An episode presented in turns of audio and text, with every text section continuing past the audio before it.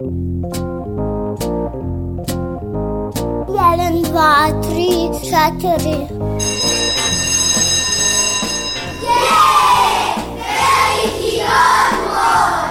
Emisija o obrazovanju i vaspitanju. E, Kad neka vaspitačica kaže da je veliki odmor, onda nešto radite.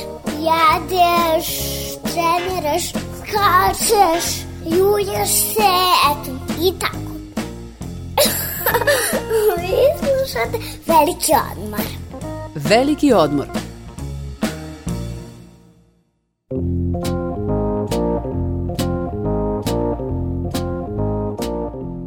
U novonastaloj situaciji kada se život gotovo svakom od nas usporio, malo ko se snalazi. Prvi put deca uče na daljinu. Nastavnici su ispred kamera, a roditelji su osim mnogobrojnih obaveza dobili još jednu, saradnik u nastavi. Ja sam Biljana Kuriš, a u ovo nedeljnoj emisiji istražujemo kako se roditelji snalaze u novonastaloj situaciji. Od uvođenja vanrednog stanja zbog epidemije novog virusa korona u našoj zemlji školska godina nije prekinuta. Više od 900.000 đaka je školske klupe i učionice zamenilo TV ekranima i digitalnim učionicama. Nema socijalnih kontakata, kretanja, pa tako i ako postoje nedoumice u vezi sa gradivom, dodatna pojašnjenja dete očekuje od roditelja.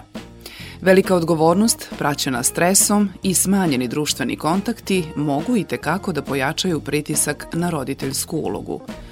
Majka dvoje dece, jednog preškolca i učenika šestog razreda, opisuje svoj doživljaj novonastale situacije, rada od kuće i dodatnom angažovanju oko učenja na daljinu. Prilično me frustrira ta činjenica na još dodatno ovu celu situaciju, gde smo svi u 34 kvadrata, nas četvoro, moramo da pratimo i školsko gradivo na RTS-u i još pritom svaki nastavnik šalje preko svoje grupe već ili maila ili svako je to odabrao šta će, e, šalje svoje zahteve, svoje domaće zadatke, pritom niko ništa ne objašnjava, osim na RTS-u što imamo mogućnost, ali to nije interaktivna nastava, znači na RTS-u ona može samo da sluša gradivo, a ukoliko je nešto nije jasno, nema kome da se obrati. Ja nisam u mogućnosti da joj pružim odgovor na svako pitanje, mogu nešto što je meni blisko i o čemu ja znam više, ali ono što nije meni blisko, ne mogu da joj pomognem. Niti mogu da pitam nekog, izuzev ako je neko raspoložen da od mojih rođaka kontaktira preko Skype-a ili Vibera, pa može da joj objasni zato što možda više zna od mene.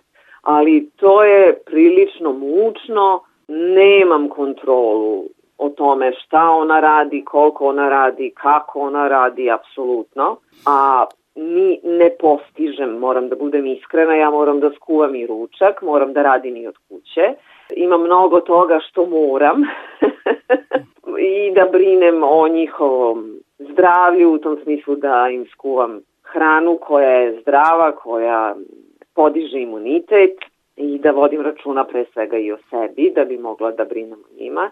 To je vrzino kolo i mislim da su se ovde kola preko roditeljskih grbača slomila. I ono što je najvažnije što sam zaboravila da kažem, ja moram da budem i pedagog i psiholog, ne samo roditelj, ne samo edukator u ovom slučaju, znači da pomažem pri objašnjavanju i izradi domaćih zadataka, nego moram da budem i psiholog, da detetu objasnim i da ne treba da se plaši i zašto treba da pere ruke pet puta umesto dva puta i šta je koronavirus i mnoge stvari uradim kao roditelj, ne samo da brinem o školovanju. Da su sada sa više obaveza nego obično, mišljenja je i majka dve devojčice školskog uzrasta.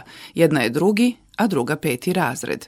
Iako je prosvetni radnik, teško uspeva da isprati gradivo ta dva razreda. Pokušavamo na sve načine, bar u stvari ja pokušavam na sve moguće načine da se da kontaktiram recimo kolege svoje koje mogu dosta da mi pomognu oko, oko toga šta svoje deci recimo da, da predočim, odnosno na koji način najlakše oni da nauče.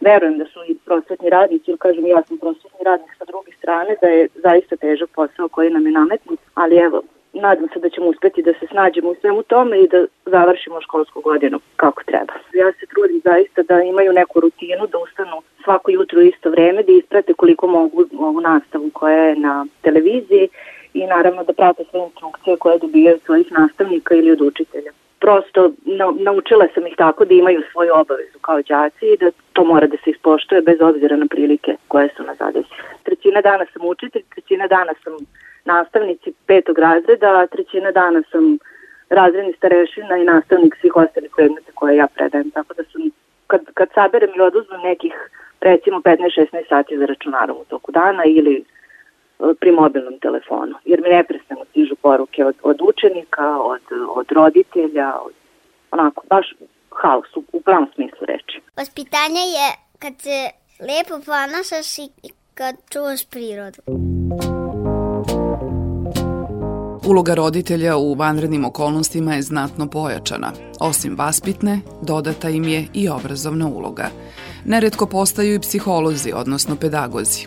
Kako u takvim trenucima izbeći zamke, koji su saveti za roditelje, u nastavku emisije objašnjava pedagog Bojana Perić-Prkosovački.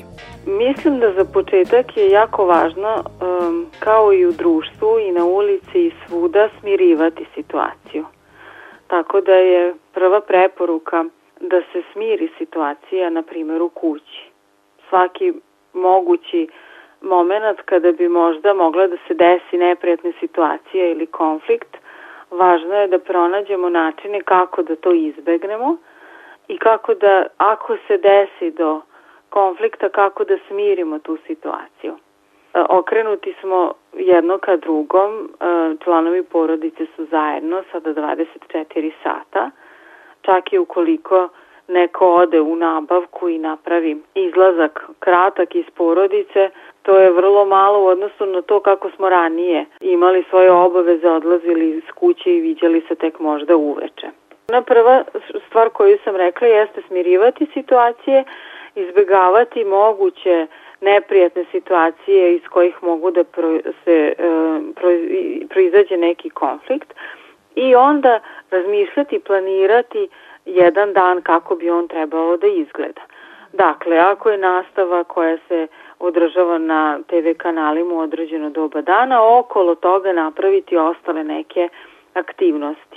Motivacija tu može da, recimo, pronađe svoje mesto da kada se uradi jedan deo posla, onda ćemo da radimo nešto drugo ili onda ćeš ti moći da uradiš ono što ti želiš. Opet u skladu sa uzrastom. Sigurno postoje deca koja će odbijati, na primer, saradnju. E sad tu se uključuje još jedan možda element odnosa između roditelja, a to je sad neka, neko poverenje koje u skladu sa onim da se smiruju situacije, onda kažemo i da se gradi poverenje, da se grade neki dobri odnosi. Porodice koje nisu dobro funkcionisale i pre ovog vanrednog stanja, verovatno i sada neće dobro funkcionisati ili će to što nisu ranije bile dobre, ova situacija da i pogorša to stanje i toga smo svesni. Opet u tim momentima pronalaziti načine kako se skloniti, kako se umiriti, a opet one, one porodice koje su dobro funkcionisale, moguće je da će i nastaviti tako, a opet u kriznim situacijama ne znamo kako će se ko postaviti. Roditelji svakako bi trebali da budu modeli u bilo kojoj situaciji. Ako je sad ovo vanredna situacija, dete će od nas ili od svojih roditelja naučiti kako će on dalje da funkcioniše u vanrednom stanju. On sada posmatra svoje roditelje i vidi kako se roditelji bore sa različitim situacijama. Pa i sa tim da je ljut ili da se boji. To su redovna osjećanja koja mi moramo da prihvatimo. Roditelj je ljut, ali on će pronaći način da ne plane ili da se ne desi nešto što nikome neće biti prijatno. Slušali ste Veliki odmor, radio Novog Sada.